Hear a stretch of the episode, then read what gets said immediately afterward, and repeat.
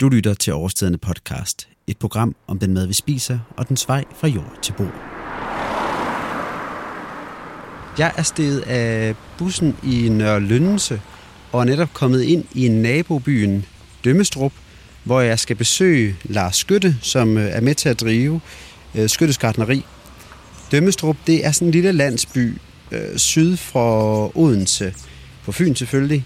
Og udover at Dømmestrup har et fantastisk navn, synes jeg, øh, så består det af parcelhuse, som jeg vil gætte på er bygget en gang i 60'erne. Og så er der faktisk også overraskende mange gårde, som man kan se, når man går igennem hovedvejen, som øh, det er mit indtryk, at, at det som ligesom er det Dømmestrup består af. Der er i hvert fald ikke mange øh, sideveje. Øh, men altså grunden til, at jeg er her, jamen, det er som sagt, at jeg skal besøge Lars Skytte. Og Lars Skytte, han er interessant, fordi han øh, netop, eller snart i hvert fald, overdrager sit øh, gardneri til tre unge mennesker. Kinga, Adrian og Bjarke. Fremover, der skal de tre så drive gardneriet. Øhm, den her overdragelse, den er faktisk kun blevet mulig, fordi at øhm, de unge mennesker igennem fem år gradvist har overtaget gardneriet. Havde de prøvet at lave en straks overtagelse, kan man sige, altså have prøvet at købe gardneriet på normal vis for, for fem år siden, så havde de ikke haft råd, og de var sandsynligvis heller ikke blevet godkendt af banken til at låne pengene til at kunne købe det. Det, det skal vi høre mere om, når vi kommer hen til Lars, fordi han, øh, han ved selvfølgelig mere om det, end jeg gør. Imens jeg går derhen, så kan vi dog øh, lige høre en ordentlig præsentation af, hvad den her udsendelse som helhed skal handle om.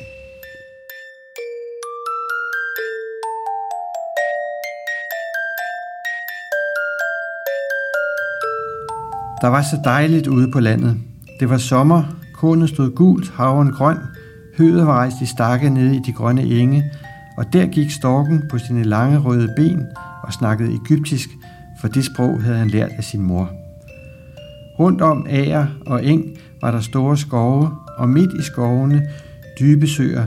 Jo, der var rigtig nok dejligt derude på landet.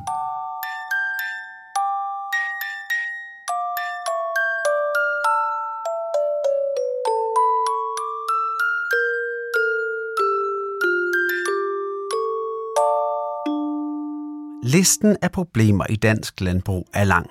Generationsskiftet udebliver, fordi de unge landmænd ikke har råd til at købe deres egen gård, og de landmænd, som allerede har en gård, har svært ved at få økonomien til at hænge sammen. Konsekvensen er dybt forgældede gårde, konkurser og en gennemsnitsalder i landbruget på over de 50. I første afsnit af den her podcast-serie hørte vi, hvordan landbruget har udviklet sig de sidste årtier. Vi besøgte Kale Økologiske Landbrugsskole og hørte om, hvilke visioner og drømme fremtidens landmænd har. I denne her udsendelse, der skal vi møde nogle af de mennesker, som er gået alternative veje for at finde løsninger på de udfordringer, landbruget står overfor. Og som det var tilfældet i første afsnit, der skal vi høre fra Jørgen Sten Nielsen, der er journalist på Information og forfatter til bogen Hvad skal vi med landbruget? Mens jeg har siddet og lavet den her intro i mit studie, ja, der er jeg i Dømmestrup kommet frem til Lars. Og det er her, vi starter udsendelsen med at få historien om, hvordan skyttesgartneri opstod. Jeg var en meget ung mand, da jeg startede, og øh, når jeg tænker tilbage, så var det jo øh, ikke sådan de store øh, gennemgribende overvejelser i virkeligheden, der gjorde, at jeg øh, øh, blev landmand. Det var, en, det var mere en lyst. Og øh, da jeg så efter at have læst biologi på øh, konstaterede, at jeg, jeg synes simpelthen, jeg manglede øh, nogle sider af mig selv, den praktiske tilgang til tilværelsen, så var der egentlig ikke så stort et spring at vælge landbruget. Så i, øh, efter to år på, på universitetet, så tog jeg til Kalø Landbrugsskole øh, og tog det grønne bevis over de næste år. I 83 købte vi øh, det her lille landbrug i Dømmestrup, og øh, der var 3,5 hektar til, altså små 7 ton land. Og øh, der var jo rift om jorden inde i, midt i en lille landsby som Dømmestrup. Det er faktisk ikke så længe siden, jeg talte op øh, i en eller anden forbindelse, hvor jeg skulle øh, ja, øh, prøve at kigge tilbage i tiden. Og der var over 30 gårde, der blev drevet i Dømmestrup dengang. Øh, der sad selvfølgelig nogle pensionister rundt omkring på nogle af dem, øh, som fik deres pension, men øh, de passede jorden. Øh, så, øh, og det var meget, meget små bedrifter. På ni af gårdene var der køer, altså malkøer. Nu tager vi Dømmestrup og så de omliggende gårde. Øh, og det var jo besætninger fra fem køer og op til 40 køer. Men der gik jo ikke mange år før, at verden så ganske anderledes ud i Dømmestrup. Der var også en lille brus dengang. Men det hele lukkede jo faktisk ned i løbet af de næste 20-25 år. Vi har altid befundet os vældig godt, også sammen med vores naboer her i Dømmestrup. Men øh, det triste ved historien, det er selvfølgelig, at de naboer, altså kolleger, øh, de er forsvundet. Der er ikke nogen landmænd tilbage. Vi er to, som sagt. En svinproducent, og så os med vores økologiske gardneri. Køer er der ikke nogen af i Dømmestrup og omegn længere. Altså de går, jeg har talt med. Vi skal længere væk nu. Så øh, det er, man kan sige, det er en landsby og et øh, samfund, der ser ganske anderledes ud end tidligere. Der er gået rigtig mange år fra, at Lars startede skyttegardneri, til at han kan leve af det. Men i løbet af 90'erne sker der noget. Her bliver salget af økologiske afgrøder nemlig så stort, at Lars skal få økonomien til at hænge sammen. Fra begyndelsen af 83 til midten af 90'erne, der har Skyttes Gardneri også haft vokseværk og er mangedoblet i størrelse. Men hvorfor har Lars egentlig valgt at blive større og købe mere jord? Øh, kan vi sige, øh, der udvikles jo øh, ny teknik hele tiden, og for at have muligheden for at investere i den teknik, så vil jeg sige, så er der et krav til at kunne køre over et vist areal, ellers er der simpelthen ikke råd til at investere i de maskiner. De skal ud og køre. Og, og det gode eksempel, det er selvfølgelig vores, vores hakkerobot, som vi har derude. Øh, Øh, den koster altså en halv million, og det er klart, øh, ligger man og har 10 hektar, så kan det bare ikke gå. Men jeg opdagede jo hurtigt, at øh, hvis jeg skulle handle med, nu var det Coop, øh, skulle jeg levere til dem, så skulle jeg jo følge med i takt med, at deres marked det voksede. Vi var ikke så mange dengang, og der var egentlig ikke så mange andre til at levere varerne, end øh, os, der var, der havde lagt om. Så vi, skulle, vi, ud, vi udvidede og udvidede i kraft i takt med, at øh, markedet det voksede. Nu er situationen ganske anderledes. Nu er der mange andre gardner, der kunne komme ind og, og, og supplere op. Men jeg vil sige, det er da stadigvæk sådan, øh, at øh, mange af de etablerede gardnerier har en stor kapacitet til at udvide. Så kan man jo diskutere, om man skal gøre det eller ej. Og det, øh, det er jo et svært spørgsmål. Jeg synes også, der er en grænse for, hvor stor man skal være, det må jeg sige. Der er et grænse for, hvor, hvor meget man kan overskue. Situationen i Dømmestrup er et fint eksempel på den generelle udvikling i dansk landbrug. Som Jørgen Sten Nielsen han også forklarede i første afsnit, ja, så var et gennemsnit landbrug i 1950 15 hektar, mens det i dag er 73 hektar. Samtidig er antallet af bedrifter faldet fra 200.000 til godt 10.000 heltidsbedrifter. Der er rigtig mange årsager til, at udviklingen den er gået mod større og større bedrifter. En af dem den er selvfølgelig, at vi forbrugere efterspørger de produkter, som landmændene producerer. Skal hylderne i supermarkedet fyldes op hver dag hele året rundt, ja, så skal der altså malkes rigtig mange køer, slagtes rigtig mange svin og dyrkes rigtig, rigtig meget salat. Når detailhandleren for eksempel køber salat til butikkerne, ja, så er de naturligvis interesseret i at få et ensartet produkt, hvor kvaliteten er høj. Derfor så foretrækker de at købe stort ind ved enkelte stabile landmænd, så de kan nøjes med at købe deres salat et sted frem for mange forskellige smågårde, hvor salatens udseende og kvalitet kan variere. For at imødekomme detailhandelens efterspørgsel, ja, så giver det altså ret god mening for landmændene at udvide deres bedrifter. Problemet det er så bare, at det koster penge, rigtig mange penge at udvide. Så mange penge, at man er nødt til at låne dem og dermed stifte gæld. Den gæld den kan dog vise sig at blive så stor og svær at betale af på, at det for nogle landmænd ender med at tage livet af deres skov. Journalist Jørgen Sten Nielsen han forklarer nærmere her. Ja, jeg synes, øh, en ting, som er interessant, fordi den, den lægger det her hårde pres på, på landmænd, det er deres gældsbyrde. Altså det, at de er drevet ind i den her trædemølle, som man kalder det, hvor de er nødt til hele tiden at optage lån for at kunne følge med med nye investeringer i de nye maskiner, der kommer, eller større stalle osv. Ikke? Den gældsbyrde er jo en, en forklaring på, at øh, unge landmænd ikke kan købe sig ind, fordi der, det kræver så mange penge ligesom at, at, at kunne lægge det, der skal til. Så jeg vil sige, en del af løsningen på landbrugets problem i dag, det er at gøre noget ved, ved gældsbyrden, altså en eller anden form for gældssanering. Øhm, og jeg, det, det er svært at udtænke modellen, for det, det håber jeg, at nogle politikere vil tage ansvar for. Man kan bare sige, at, at det var jo bankerne selv, som i årene op til finanskrisen nærmest lokkede landmænd til at tage lån, øhm, og det viser sig at være nogle, nogle meget indviklede lånekonstruktioner, som, som mange bankfolk ikke selv forstår, og som da krisen kom, viser sig at være fuldstændig umulige og, og hvad skal vi sige, at, at, øh, betale af på for landmændene. Ikke? Så, så jeg mener, at bankerne har et vist ansvar for selv at tage tabet, det vil sige eftergive noget af den gæld, som, som øh, landmændene har. Og det er en forudsætning for at få landbrug på fod, at vi får ryddet op i gældens enorme størrelse.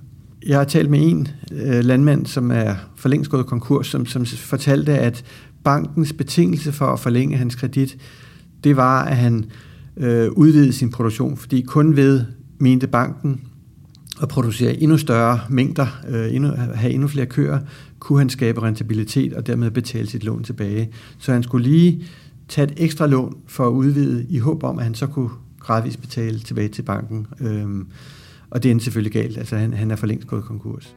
Som Jørgen han her fortæller, jamen så er gælden en af grundene til, at det er svært for unge landmænd at købe en gård.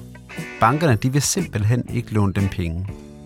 I tilfældet med skytteskartneri, der vidste Lars godt, at det ville blive svært for de tre unge mennesker at låne penge i banken, så de kunne købe gartneriet. Derfor så fandt de på en alternativ løsning. Der er et stort problem omkring generationsskifte. Og det, øh, da jeg tænkte generationsskifte, vil jeg godt sige, så, øh, så, var jeg, så har jeg egentlig tænkt på forhånd, her der bliver jeg nødt til at involvere mig. Øh, fordi det er ikke så let at øh, få unge overtage landbrug i dag.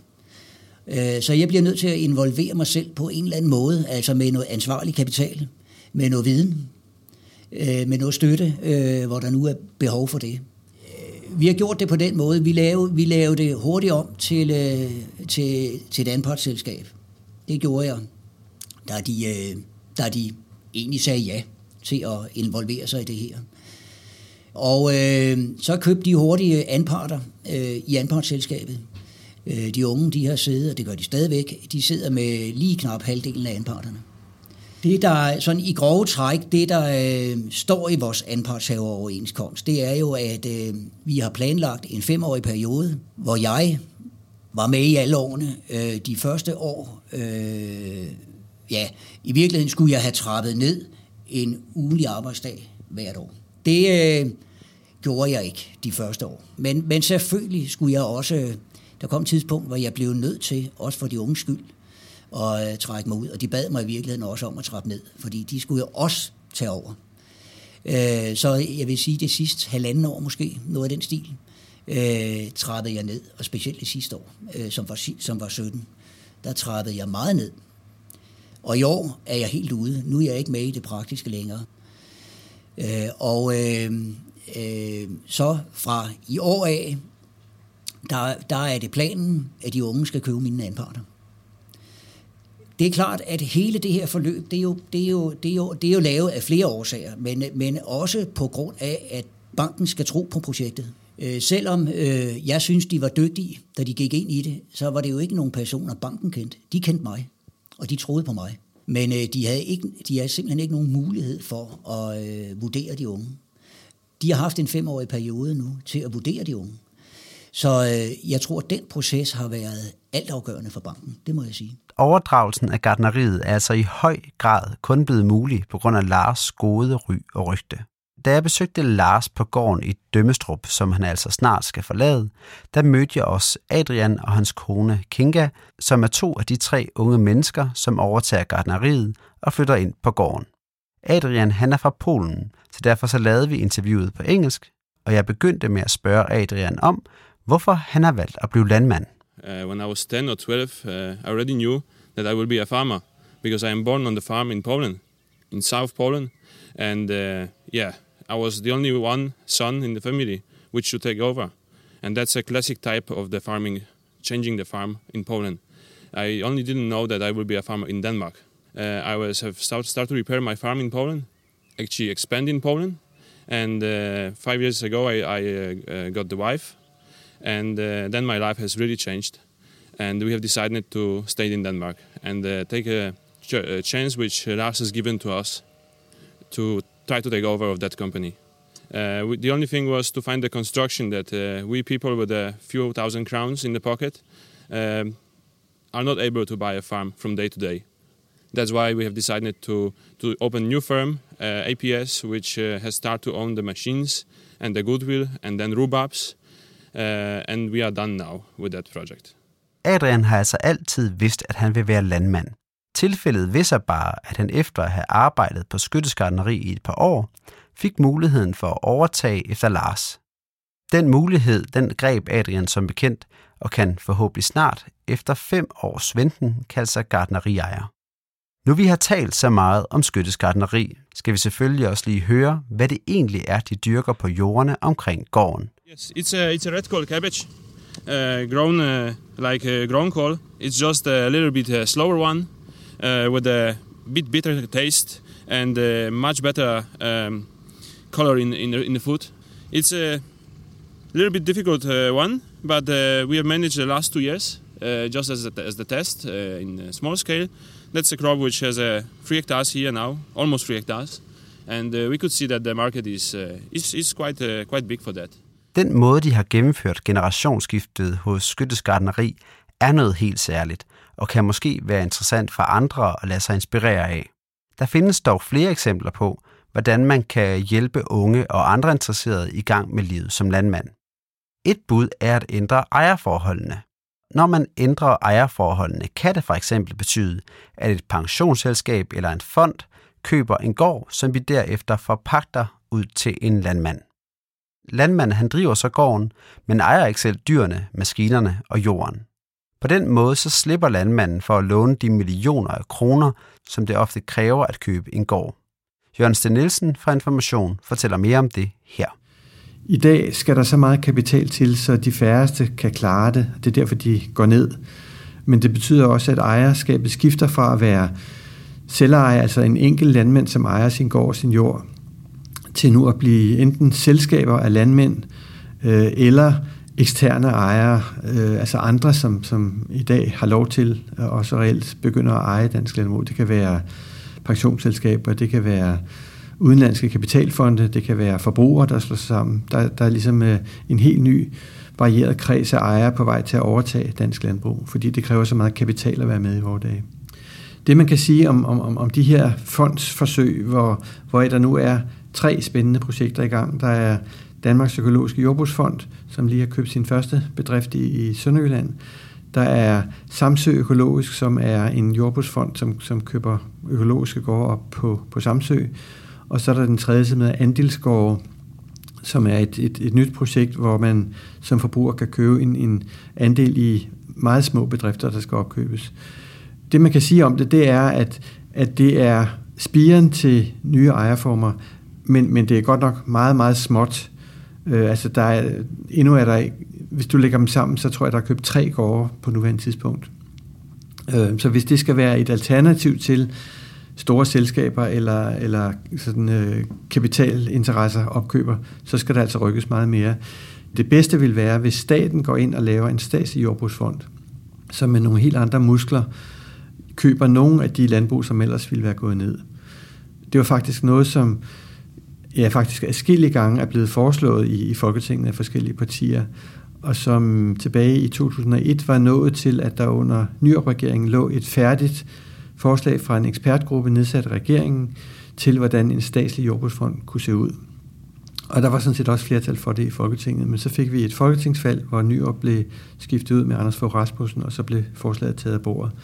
Og det har ligget i skuffen siden da. Jeg, jeg kunne håbe, at det bliver taget op, fordi det er en løsning, der, der kan batte i et helt andet omfang end de her spændende nye projekter, som, som private har taget. Men hvem er egentlig bedst til at drive landbrug? Er det de udenlandske kapitalfonde? Er det staten? Er det forbrugerejet fonde eller landmændene selv? Det svar det afhænger nok lidt af, hvordan man synes, at vores landbrug skal drives.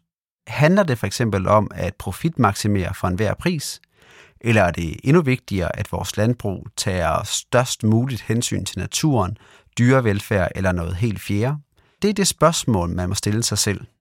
Nu jeg sad over for Jørgen Sten Nielsen, så brugte jeg selvfølgelig anledningen til at spørge ham, hvad han vil med det danske landbrug. Det, der er situationen, det er, at, at vi er del af en global øh, konkurrence på et globalt fødevaremarked, fordi vi har valgt at være det. Øh, vores store produktion af svinekød, af mejeriprodukter, af, af andre ting. Det gør, at, at vilkåret for danske landmænd er, at de skal være billigere og mere effektive end konkurrenter i Østeuropa eller Latinamerika eller andre steder. Øh, og når danske landbrug går ned, så er en af forklaringerne jo, at vi ikke kan vinde den konkurrence. Hvis du tager nogle østeuropæiske lande, så er det typisk en, en, øh, øh, en jordpris, der er lavere, øh, de har arbejdslønninger, der er lavere, de har sikkert en miljølovgivning, som er mindre restriktiv, som gør, at man kan producere med lavere omkostninger. Så jeg tror, at strategien med at sige eksport, eksport, eksport, som, som ligesom mantra for dansk landbrug, øh, er en vej til at afvikle sådan det meste af landbruget. Jeg tror, svaret er at rette fokus mod øh, at producere noget, som et hjemmemarked vil, vil efterspørge i højere grad. Øhm, og i det ligger også det, som så er et, et bæredygtighedsperspektiv, at vi skal skære ned på vores store produktion af husdyr, øh, måske især svin. Svin er jo dem, vi eksporterer. Øh, 9 ud af 10 svin, tror jeg, bliver eksporteret. Øh, så hvis vi i stedet for at, at producere dem til eksport, bruger jorden til at producere noget, som er øh, føde til os selv, det vil sige i højere grad vegetabilsk produktion. Ikke forbud mod svin heller, men altså i højere grad produktion af plante, øh, eller planteavlsproduktion, så tror jeg, at vi, bliver, vi får et mindre sårbart landbrug, og i øvrigt også et landbrug, som er mere bæredygtigt i, i miljømæssig forstand. En anden, der allerede har taget stilling til, hvad han vil med landbruget, det er Frederik Salin, der driver et lille landbrug ved Lejre. Frederik han er oprindeligt fra Sverige, men har i flere år arbejdet i dansk landbrug, og inden for de her kredse kendt for sin entreprenante tilgang til faget. Nu har han så startet et nyt projekt op, som han kalder Godis Grønt. Og hvad det er, det forklarer Frederik her. Jamen lige her, hvor vi står, så øh, har jeg 2000 kvadratmeter øh, som jeg skal dyrke grøntsager på. Øh, jeg dyrker det uden traktor, øh, jeg dyrker det med håndredskaber, jeg dyrker det virkelig intensivt. Øh, og øh, jeg dyrker på en, en jord som er under omlægning til økologi. Øhm, og alt det som jeg dyrker her, det afsætter jeg til øh, 15 familier øhm, cirka 50 eh, 30 mennesker øhm, som blir medlemmar i min øh, lilla, min lilla gartneri Godisgrönt. Så de kommer komma här hver torsdag fra start av august til start november og hente deres andel i produktionen. Nu kan det nemt lyde lidt som om, at jeg har fundet en eller anden case med en, som... Øh, altså du siger, du ikke bruger traktor, og du, øh, og du øh, bruger primært håndredskaber, sådan lidt en gammeldags, øh, lidt idealistisk, øh, bundrøvsagtige type. Øh, men det er jo noget, du agter at leve af. De her familier, hvad er de, øh, hvad er de kan forvente, hvad er det, de har købt ind på? Jamen, de har lidt øh, købt øh, grisen i sækken, øh, kan man egentlig sige, fordi at øh, de får det leverat først i august, men de har faktisk aldrig betalt. Um, det, som de betaler for, um, det er jo en del av en uh, lokal produktion um, som är helt transparent. Eh, de kan selv komme til og hjælpe til, hvis de vil. De kan selv se, hvordan ting alt foregår. Um, og på sigt har de også en, um, en saying om, hvad det skal dyrkes. Um, Och det är, det är riktigt nog, alltså det det kan gott lyda liksom eh, överromantiserat øh, gå runt här i Laja eh, med fåglarna som, eh, som trillar och eh, uden trakt og möjligt. Men eh, det som är realiteten för mig är ju att hvis jag ska starta ett sted, eh, så blir det på den här måde. Eh, om fyra år så regner jag med att leva det här fulltid och var att vi är tre fulltidsansatta och två deltidsansatta. Ehm, och på den tiden ska jag också ha en traktor. Men nu hade jag förtusen eh, och en massa energi och då var det det här som kunne lade sig gøre. Kunne forestille mig, at nogen vil sidde og tænke, det kommer jo aldrig nogensinde til at brødføde sådan hele nationen. Det, det jeg synes det, det vigtige med det eh, er at vise til at det finns andra måder at gøre det på. Eh, end, end den model som, som næsten hele landbruget er skruet sammen på nu. Eh, øh, fordi jeg tror det, det er sådan... Jeg, jeg, står, jeg, jeg står ikke her, jeg vil ikke prædike og sige at det her er the only way. Det finns tusen miljoner mm, alltså, veje at gøre det på, altså, og forskellige måder at starte op på og drive landbrug på. Øh, men det her er bare en måde, som jeg tror på, og som, som passer mig. Men eh, altså, jeg tror, øh, det kommer, det kommer stadig, stadigvæk være behov for store landbrug. Eh, men jeg tror bare, det er vigtigt, at vi kan, eh, vi kan tilbyde nogle forskellige ting. Eh, det er rigtig svært for unge at komme i gang i dag. Hvis man skal tage over det her store landbrug. Så det eneste muligheden nu, det er, at uh, store investeringsselskaber, de køber op de store gårde, og så ansætter eh, folk. Og man kan sige, er det, er det godt eller skidt? Det alltså, altså, jeg synes, det er nogle, nogle helt sådan, åbenlyse udfordringer med det. Hvis man har en gård i dag, bare sitter foran en, en, eh, et Excel-ark og har nogle øh, østeuropæiske arbejdere ute til øh, eh, 45 kroner i timen, ehm, øh, så, så finns det, alltså, så synes jeg, det her, håber jeg, det her er et model på at vise, at det findes andre måder at gøre det på. Godis Grønt er baseret på en idé, der på engelsk kaldes Community Supported Agriculture. Det handler i al sin simpelhed om, at øh, kunderne de køber deres grøntsager direkte hos landmanden. Samtidig så deler landmanden og kunderne de fordele og den risiko, som er forbundet med at dyrke grøntsager. Det vil konkret sige, at hvis høsten af spinat af den ene eller anden grund går galt, ja, så er det ikke kun landmanden, der står tilbage med tabet. Skulle det derimod ske, at det er et fantastisk spinat over, ja, så får kunden mere spinat, men uden at betale ekstra. Frederik han kan selvfølgelig umuligt producere afgrøder lige så billigt og effektivt som de store gardnerier. Men det er sådan set heller ikke rigtig meningen at konkurrere med de store discountkæder. Er man kunde ved Godis Grønt, ja, så er man nemlig med til at tage ansvar for, at de fødevarer, man spiser, også er dyrket på en ordentlig måde, og hvor landmanden han kan få sin økonomi til at hænge sammen. At vi som forbrugere tager større ansvar, er ifølge Jørgen Sten Nielsen en af nøglerne til, at landbruget kan gå en bedre fremtid i møde. Og der ligger et ansvar på os som forbrugere øh, omkring at være villige til at betale det, det koster at lave ordentlige fødevarer, som både er miljømæssigt, dyrevelfærdsmæssigt, men også i forhold til landmandens økonomi øh, bæredygtige. Øh, og, og der bør vi ligesom se os selv, os forbrugere i øjnene, og sige, når jeg nu prædiker om, om en anden type landbrug og gerne vil bevare den skønne natur derude i Morten, Morten Kork-landskabet, hvad gør jeg så selv for at, at, at sikre det? Øh, vælger jeg kvalitetsprodukter, som koster noget mere, øh, eller går jeg efter de billigste discount-tilbud? Og der tror jeg, at mange af os har, har hvad skal vi sige, meget at lære og meget at, at gøre op med. Det har kostet Frederik 40.000 kroner og en masse energi at starte det her lille gardneri ved Lejre. Men 40.000 kroner de forsvinder hurtigt, når man arbejder i landbruget. Derfor har det også kun været muligt at overleve, fordi Frederik har samarbejdet med andre landmænd og virksomheder. Tag for eksempel det drivhus, hvor han dyrker tomater og chili. Tomaterne, de er hans egne, men chilien dyrker han for en virksomhed, der laver chilisauce. Og så er der selve væksthuset. Det er bygget af ejerne af den gård, hvor Frederik kan lejer sig ind, så de har noget at leve af, hvis der kommer fugleinfluenza. Lige nu, jamen der er der som bekendt ingen fugleinfluenza, og derfor ja, så kan Frederik bruge væksthuset, hvis altså han passer chiliplanterne. Er det til at forstå? Hvis ikke, så forklarer Frederik det lige en gang til her. Um, det man kan sige, det er, jeg har startet mit eget gartneri um, uden lån i banken for 40.000 kroner. Det er ikke så mange penge. Um, og det har kunnet lade sig gøre, fordi at um, um, jeg starter småt, um, og fordi at jeg um, har kunnet lave nogle gode samarbejder. Og det at jeg starter småt, um, det er fedt, fordi jeg har en, en familie. Øh, jeg har en kæreste og en, en søn på et år.